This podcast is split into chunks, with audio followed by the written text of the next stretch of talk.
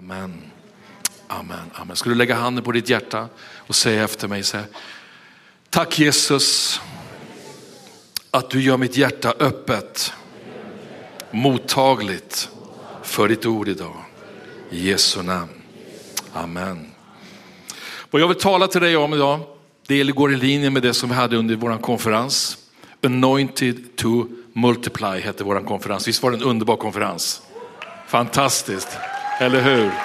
Vi fick njuta verkligen av en underbar konferens. Så jag vill tala om att fruitfulness is your destiny. Det är ditt öde att vara en som bär frukt. Amen. Så har du din bibel med dig så går vi till Johannes 15 och 16. Där säger Gud så här, ni har inte utvalt mig utan jag har utvalt er och bestämt er till att gå ut och bära frukt och er frukt ska bestå. Då ska Fadern ge er vad ni än ber honom om i mitt namn. Amen. Underbart ord, eller hur? Jag är så tacksam för den här dagen för snart 20 år sedan. Då Gud mitt i natten gav min första pastor, pastor Bror Spets, en indikation på att vi skulle åka till Bogotá och ta hem visionen om lärjungaskap till Sverige. Jag är så otroligt tacksam för den dagen. Jag kan inte nog uttrycka den tacksamhet jag känner. Varken han eller jag visste i den stunden vad G12 var för någonting och varför vi skulle hämta hem det till Sverige. Men Gud visste att det var precis det här redskapet vi behövde för att komma in i en ny eh, fas av eh, tillväxt och fruktsamhet. Jag kommer aldrig glömma den här dagen, jag berättade lite grann om det förra söndagen, men jag glömmer aldrig dagen då vi landade på Bogotás flygplats och såg den här stora gruppen av glada människor som hade stora plakat där det stod välkommen till landet av väckelse. Välkommen till landet som flyter av mjölk och honung. De här människorna de strålade av Guds kärlek till Jesus och deras hjärtan brann av glädjen att få bära frukt för honom. Det sista mötet på konferensen, det första året, det ägde rum i en av stadens största utomhusarenor som rymde ungefär 110 000 personer. Den var full. 10 000 människor stod utanför och försökte få tag i någonting av det som predikades på insidan.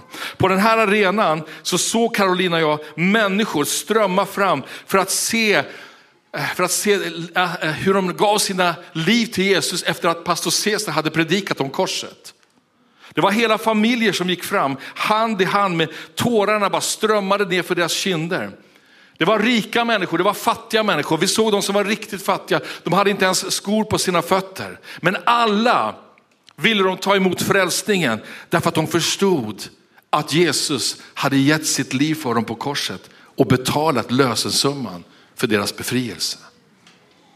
Människorna bara grät, vi grät. I det här ögonblicket så märkte Gud våra hjärtan för alltid. Och samtidigt som vi var där så gav det oss också en smärtsam kärlek till vårt eget land, till Sverige, till vårt folk. Och där och då så gav vi våra liv på nytt till Jesus. Men vi överlät oss också till den här visionen som han gav oss för att vi skulle få se ett fruktbärande liv. Visionen har också varit vår räddning under pandemin. Då alla våra ledare har fortsatt att göra Jesu vision i sina hem. Ni hörde Lisa som kom fram här, hon blev bevarad under pandemin. Varför? Därför att hon kom in i en wow-grupp. Hon visste inte ens hur det såg ut här inne, hon hade aldrig varit här. Efter två år kommer hon in och så börjar hon bibelskolan. Det är ett mirakel. Människor blir bevarade. Ledare har döpt lärjungar i kalla sjöar, i badkar då kyrkan har varit stängd. Jag säger tack Gud för en vision som fungerar. Jag tycker det är värt att ge Jesus en applåd för det. För det här är fantastiskt. Visionen, den kommer inte från Bogotá, utan den kommer snarare från Jerusalem. Eftersom det här var samma sätt, det här är samma sätt som Jesus arbetade med sina lärjungar. Jesus vann sina tolv som skulle ta evangeliet vidare till oss alla utöver hela världen, ända fram till idag. Och från den dagen då jag och Carolina fick visionen om att göra lärjungar så har den brunnit som en eld i våra hjärtan. Vår kärlek till visionen är precis som Jeremia beskriver i vers, eller kapitel 20, vers 9. Där han säger så här, jag ville glömma honom och inte mer tala i hans namn. Då blev det som en brinnande eld i mitt hjärta, instängd i mitt inre. Jag ansträngde mig att hålla den inne, men lyckades inte. Visionen, arbetssättet som vi har, det brinner i våra hjärtan. Det är som en, det är en brinnande eld inom oss. Anledningen till det är att, är att elden inte kommer från någon människa, det kommer från Gud själv. Det finns bara en som kan tända en sån eld och det är Herren själv. Det är hans vision och det är hans dröm som brinner i våra hjärtan. Och jag, jag känner att idag vill jag också bara, bara säga ett stort tack till pastor Cesar, vår apostel, som med stor känslighet och ödmjukhet tog emot visionen från Gud för att ge den till hela den här världen. Jag vill också tacka hans underbara familj, hans överlåtna ledare som har välsignat oss så mycket med så mycket underbar undervisning under alla de här åren. Och jag tänker speciellt på pastorerna Abelardo och Sandra Rocha som var med och la grunden för allt vårt arbete. Jag vill tacka dem idag. Jag vill tacka Orlando och Jimena Castaneda från MCR för deras tjänst och deras ödmjukhet att hjälpa oss att utveckla visionen. Och Gud har genom visionen gett oss en enormt stor familj över hela världen, vilket är helt fantastiskt. Min dröm och min bön för Wow Church i Sverige och i Spanien, det är att vi alla ska förstå Guds vilja för var och en av oss. Så att vi kan komma in i ett liv av fruktsamhet genom en ny nivå av överlåtelse efter den här konferenshelgen som vi hade. Det är min dröm. Min dröm är att du och jag ska befinna sig på en helt ny nivå efter det vi var med om förra helgen. Amen. Amen. Låt mig därför få ställa några frågor till dig idag. Det här är personliga frågor till dig. Är du villig att komma in i Guds perfekta plan och vilja för ditt liv? Är du villig till det? Är du villig att göra det även om det krävs förändringar i ditt sätt att tänka, prioritera och agera? Är du villig att göra de nödvändiga uppoffringar som krävs för att se det resultat som du önskar och som Gud har kallat dig till? Är du villig till det? Jag måste ställa de här tre frågorna till dig av en anledning. Därför att Gud kommer alltid att respektera dig. Gud kommer aldrig att göra någonting i ditt liv som du inte medger eller ger dig till. Gud har gett dig och mig en fri vilja för att vi ska kunna välja Guds väg eller att avstå från att gå den. Valet är ditt och mitt. Du har ett personligt ansvar för ditt dyrbara liv här på jorden. Jag har ett personligt ansvar för mitt eget. Och när Jesus kommer tillbaks så kommer vi alla, både du och jag, stå till svars för de val som vi har gjort på jorden. Kanske vet du inte vad ett ja till Guds vilja skulle innebära för dig fullt ut. Du kanske inte har en aning, kanske inte ens vågar ge det till det, därför du vet inte vad det innebär. Ja, men låt oss då tala om vad som är Guds dröm och vad som är Guds vilja för ditt liv. Ska vi göra det? Vad är Guds dröm? Vad är Guds vilja för ditt liv? Låt oss gå till Johannes 15 och 16 igen. Vad är det Gud säger? Han säger så här, ni har inte utvalt mig, utan jag har utvalt er och bestämt er till att gå ut och bära frukt och er frukt ska bestå. Då ska Fadern ge er vad ni än ber honom om i mitt namn. Det du ser här, det är att du är utvald av Gud. Säg till din granne, du är utvald av Gud. Många känner sig inte utvalda, men det spelar ingen roll för Gud utvalde dig i alla fall. Jag vet inte om du var med om det där i skolan, att dina kamrater de valde dig vid olika tillfällen. Och jag minns på gymnastiken speciellt att någon blev utsedd att välja de som skulle vara med i ett lag. Har ni varit med om det? Jag tror alla har gjort det. Det här utväljandet, det gjorde att det alltid var någon som blev sist. Eftersom han eller hon inte var kvalificerad just för det spelet eller den sporten man skulle utöva. Den som var sist var helt enkelt den som blev över, som ingen ville ha. Han eller hon var ledsen men fick svälja sin besvikelse att de inte riktigt platsade i laget. Men vet du, så är det inte med Gud. Amen. Så gör inte han. Gud har utvalt dig i sitt lag. Du är med i Guds team. Du valde inte honom. Han valde dig först. Han valde dig för uppdraget att du skulle gå ut. Du skulle inte sitta inne. Du skulle inte leva för dig själv. Du skulle komma ut ur din bekvämlighetszon. Du skulle vara modig. Du skulle komma ut i hans kärlek och bära frukt för honom. Frukt som inte försvinner. Frukt som består. Du är utvald för att få se Guds mirakler i ditt liv och Guds välsignelser flöda över dig. Nej, det var ingen som förstod det. Du är utvald för att få se Guds mirakler i ditt liv och Guds välsignelse flöda över dig. Amen. Amen. Jag säger som Eddie gjorde när han, när han talade på konferensen. Lyssna, lyssna nu, lyssna nu. Lyssna nu. Lyssna på mig. Ibland hör vi, ni hör inte vad vi säger. Jag tycker det här är fantastiskt. Men låt oss då se vad det innebär att vara med i Guds team. Vad är det för regler som gäller för att bli en teamspelare med Gud här på jorden? Vad är det för regler som gäller? Vill du veta det? Då går vi till Romarbrevet 12, två första verserna. Därför uppmanar jag er bröder vid Guds barmhärtighet att frambära era kroppar som ett levande och heligt offer som behagar Gud, er andliga gudstjänst.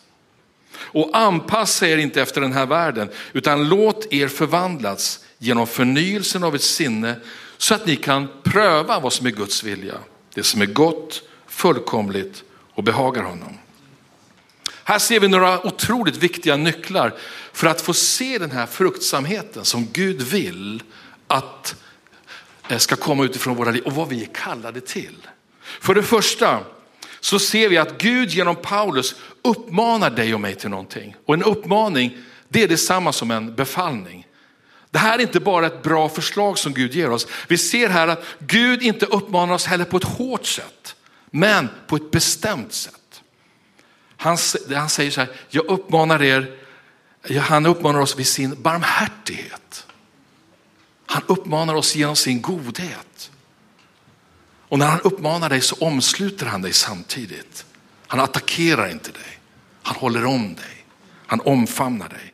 Det här säger oss att det är Guds oerhörda kärlek som ligger bakom den här uppmaningen och befallningen.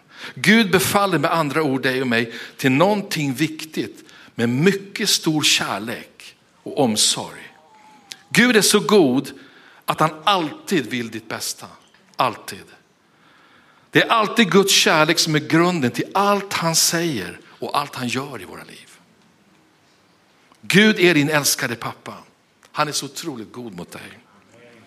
Vad är det då han uppmanar oss till? Vad är det han befaller oss att göra? Jo, han uppmanar oss och befaller oss att frambära våra kroppar till Gud. Din kropp, jag vet att den är otroligt viktig för dig. Och eh, många tillbringar hur mycket tid som helst att hålla sin kropp i trim. Och det är jättebra. Många av oss tittar både en och två gånger i spegeln. Jag tror det blir mer. Men det, det kanske blir till och med varenda skyltfönster du går förbi också. Många lägger dessutom ner mycket tid på det som ger intellektuell och själslig stimulans. Men din och min kropp har ett otroligt viktigt syfte för Gud. Vi ska frambära våra kroppar som ett levande offer som behagar Gud. Det står att det är vår andliga gudstjänst. Vi ska med andra ord använda vår kropp i tjänst för Gud.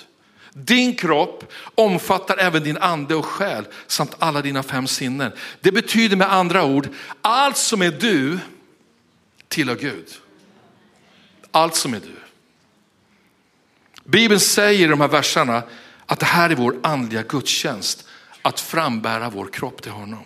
Och förmodligen så kanske det är några av er, ganska många kanske, som tänker att, att när du tänker gudstjänst, då tänker du mera på att, att det är en samling i en kyrkobyggnad. Men när vi ser att vår viktigaste andliga gudstjänst är att ge oss själva till Gud.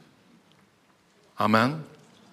För det andra så säger Gud genom de här verserna att vi ska inte anpassa oss efter den här världen. Vi måste förstå att vi kan inte vara en vän till den här världens tankesystem och samtidigt behaga Gud med våra liv. Fullständigt omöjligt. Det kommer aldrig bli ett fruktsamt liv i Guds rike. Lyssna vad Jakob säger i kapitel 4. Han säger så här, ni otrogna, vet ni inte att vänskap med världen är fiendeskap mot Gud?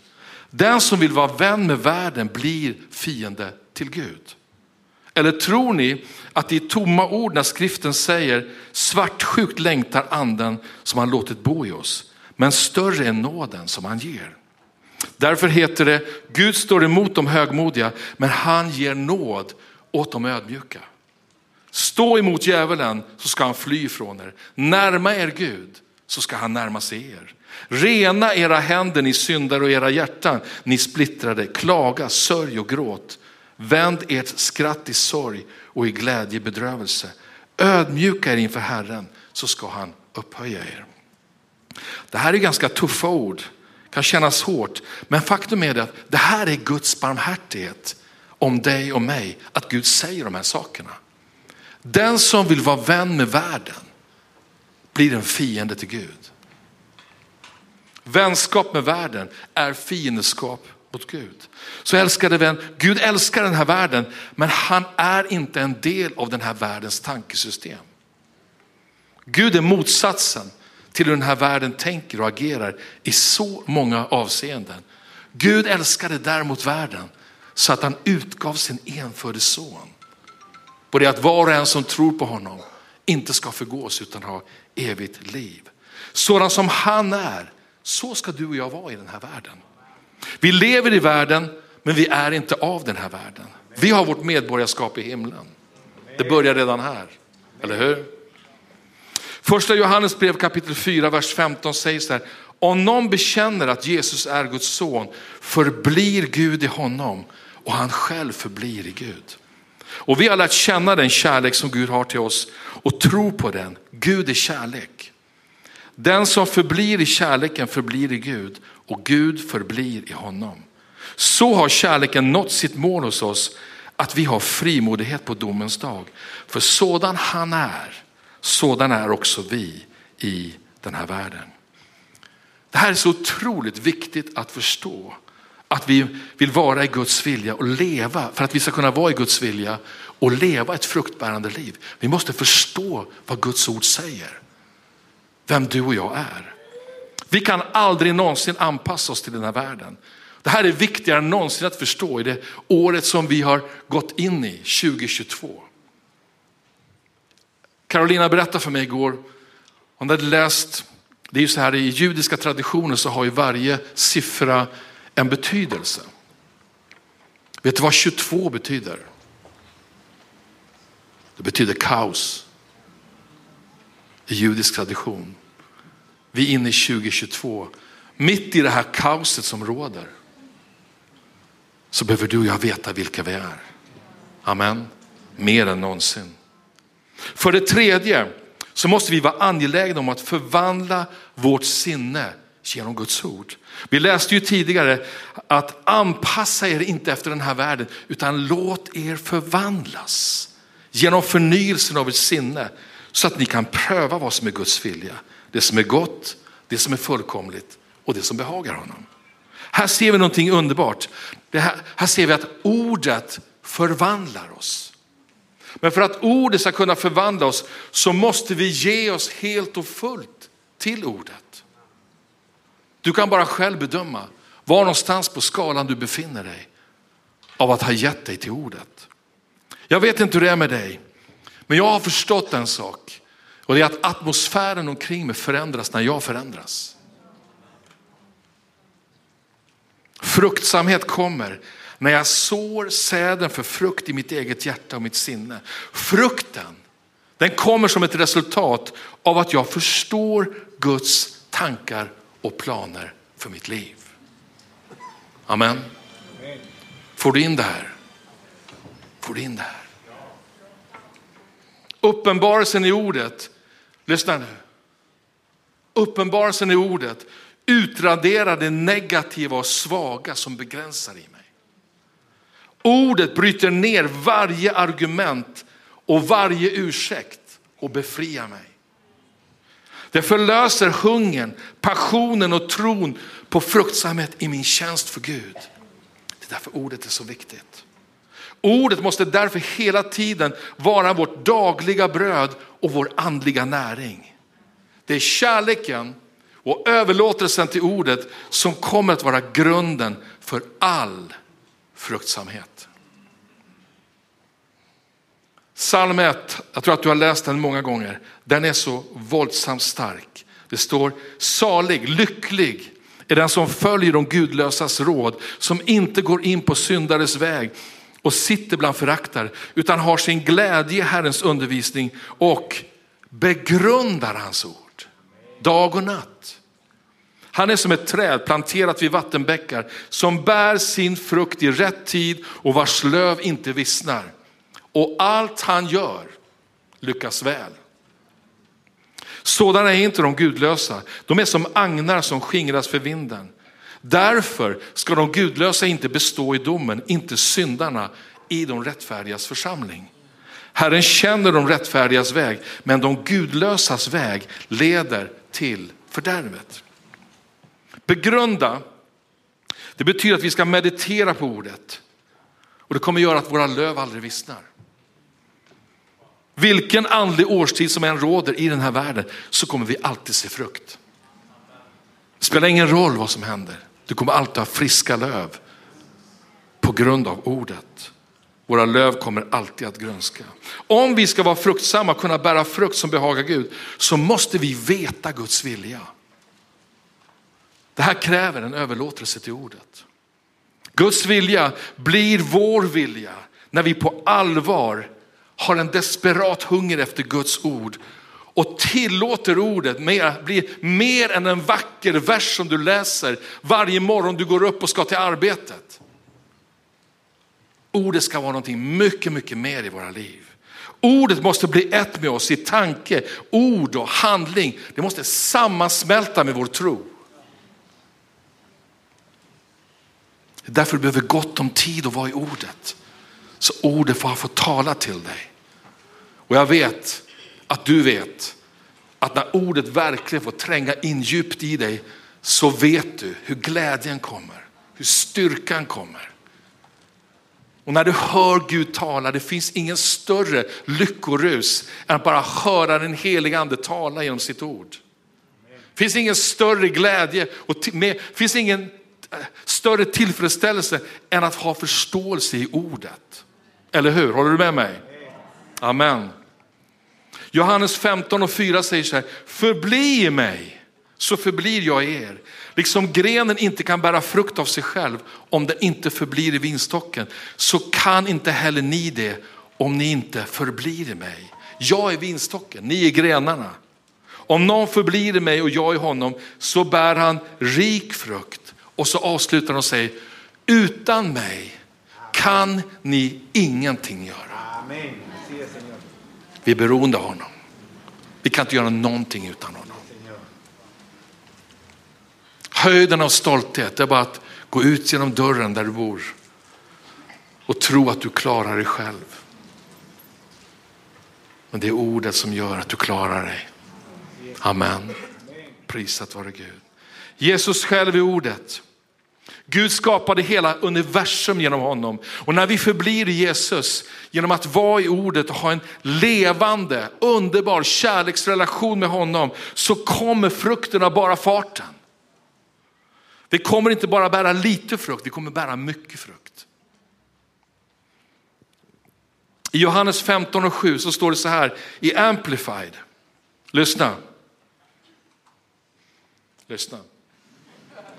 If you remain in me and my words remain in you, that is, if we are vitally united and my message lives in your heart. Ask whatever you wish, and it will be done for you. My Father is glorified and honored by this when you bear much fruit and prove yourself to be my true disciple. Fritt översatt, om ni förblir i mig och mina ord förblir i er, vilket innebär att du är totalt förenad med mig och att mitt budskap lever i ditt hjärta, så kan du be om vad du vill och det ska bli utfört för dig. Min far blir då förhärligad och ärad genom detta när du bär mycket frukt och därigenom bevisar att du verkligen är en sann lärjunge. Amen. Amen. Prisat vare Gud. Wow, vilket ord. Vilket ord. Vi ser här att frukten är beviset på ett sant lärjungenskap. Man kan säga matematiskt sett så är det Jesus plus lärjunge, det är frukt. Eller hur? Är inte det här vad vi alla önskar? Är inte det här den ultimata drömmen för våra liv? Är det inte så? Hallå? Är du så hungrig så du bara tänker på maten hemma nu? Är inte det här din dröm? Att få se den här frukten. Amen. Det här är vår dröm. För mig finns ingen viktigare dröm. För mig och Carolina finns ingen viktigare dröm i livet. För vår församling finns ingenting större än det här. Drömmen för mig, det är inte att få stå på den här scenen. Drömmen för mig är inte att bli känd. Drömmen för mig är att få se inget annat än att se Guds dröm gå i uppfyllelse i mitt liv. Genom mitt liv. Min dröm som pastor är att du och jag tillsammans ska få se ett genombrott av fruktsamhet och multiplicering i vårt land och ut över våra gränser. Min dröm är att vi tillsammans ska kunna arbeta som ett team för att Jesus ska bli känd, upphöjd och ärad i den här världen som just nu bara blöder. Det är drömmen. Drömmen för mig är att få se en ny generation som reser sig i samma ande som Josua, erövrar landet oavsett motstånd och utmaningar. För mig finns ingen större och mer tillfredsställande dröm. Amen. Prisat vare Gud. Därför vill jag se mitt eget, mitt eget sinne förvandlas dagligen genom Guds ord.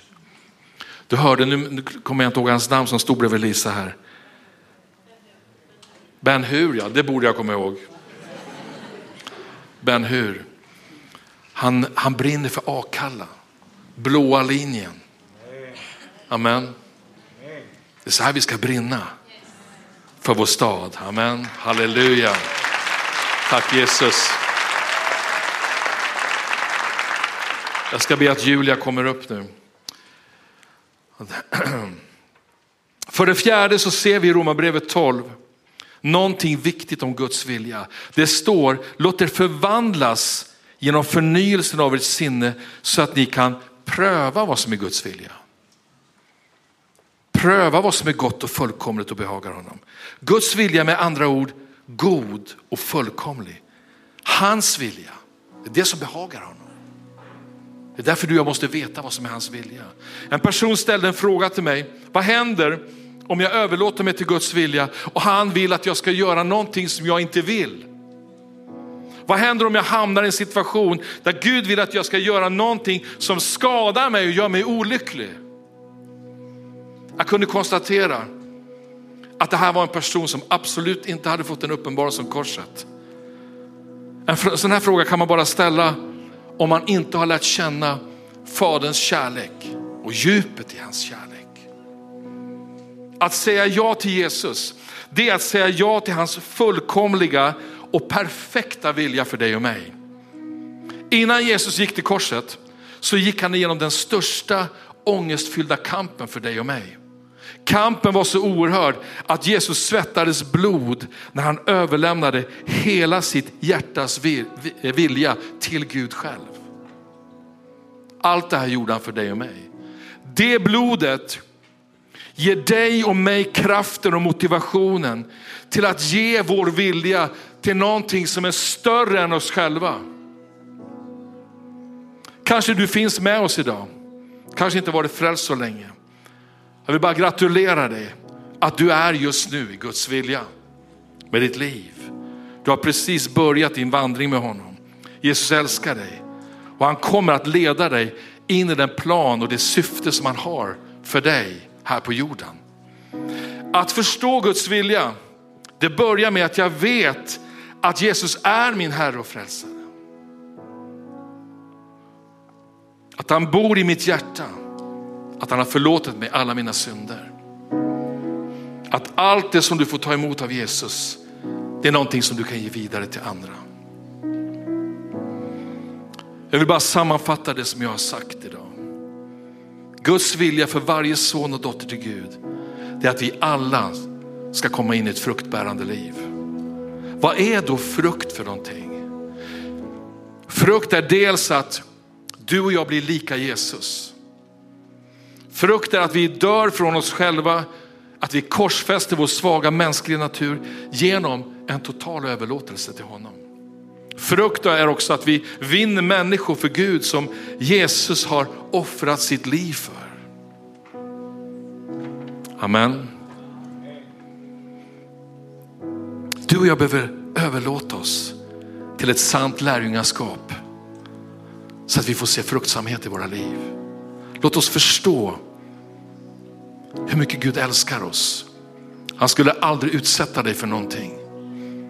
Han skulle aldrig på något sätt dra in dig i ett sammanhang som skulle skada dig för att han vill att hans vilja ska bli gjord. Nej, han älskar dig. Låt oss förstå att vi måste frambära oss själva till ett levande offer. Låt oss överlåta oss till ande, själ och kropp. Att det inte finns någonting kvar i oss själva. Utan att Gud får allting. Låt oss fatta ett heligt beslut att inte anpassa oss till den här världen utan se till att vi förvandlar våra sinnen och tankar genom Guds ord. Låt oss förstå att Guds fullkomliga vilja för oss det är att vi ska bära frukt för honom. Amen. Prisat vare Gud. Ska vi stå upp tillsammans? Vi hade en underbar överlåtelsestund förra helgen. Jag har lärt mig en sak. Att omsägelse, det är kunskapens bästa moder brukar man säga. Ibland behöver vi göra saker flera gånger. Vi överlät oss förra helgen. Vi behöver på nytt överlåta oss. Varför går vi genom korset varje morgon för? För när du läser Guds ord och när du ber och, när du ropar till Gud så går vi genom korset. Varför? Vi renar oss Jesus får tvätta våra fötter. Amen. Vi behöver överlåta oss både en och två och flera gånger till det som har att göra med hans vilja. Varför? Därför ibland drar vi iväg och vi förlorar den här kontakten, närheten. Därför det är så mycket saker som ibland upptar vår tid. Och du vet vad jag pratar om. Du har så mycket planer ibland så du hinner inte ens slå upp din bibel. Du har så mycket schema och agenda under helgen så du hinner knappt slå upp din bibel. Därför du ska göra så mycket. Du ska träffa så många. Vi behöver överlåta oss. Så låt oss se oss själva inför Guds tron den här stunden. Bara blunda där du står. Se själv att du bara är inför Guds tron. Du bara är inför Gud. Han står framför dig. Och hans barmhärtiga ögon bara ser på dig med en sån kärlek.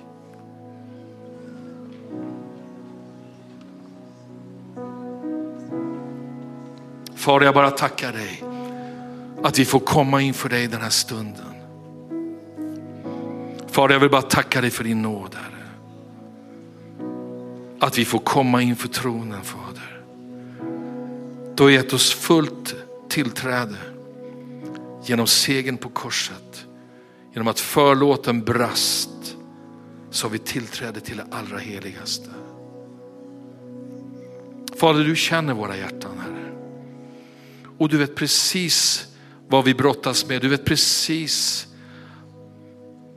vilken knapp som fienden trycker på för att vi ska överlåta oss så lite som möjligt till ditt ord och till att vara i gemenskapen och närheten med dig. Men jag bara tackar dig Fader. Tack att du älskar oss. Tack att du älskar ditt folk. Det här är ditt folk Fader. Och den här stunden Fader så överlåter vi oss på nytt till dig Fader. Jag tackar dig Fader att just nu talar du rakt in i människors liv som så många gånger säger ja, men så fort de har kommit utanför så glömmer de sitt löfte. Men jag tackar dig Fader att den här stunden så ska du bara inympa någonting nytt Fader. I varje hjärta Fader. Vi ska bli de här personerna som frambär oss själva som ett levande och heligt offer inför dig. Vår andliga gudstjänst Fader. Det som behagar dig. Det som du älskar Fader. Det som du vill se i våra liv.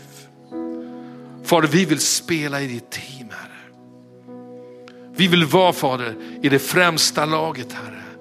I den här tiden som kommer Herre. Att få tjäna dig Fader i den här tiden då oro och kaos bara reser sig på alla sidor runt omkring oss Fader. Så tackar jag dig Fader att vi får ha vår blick på dig.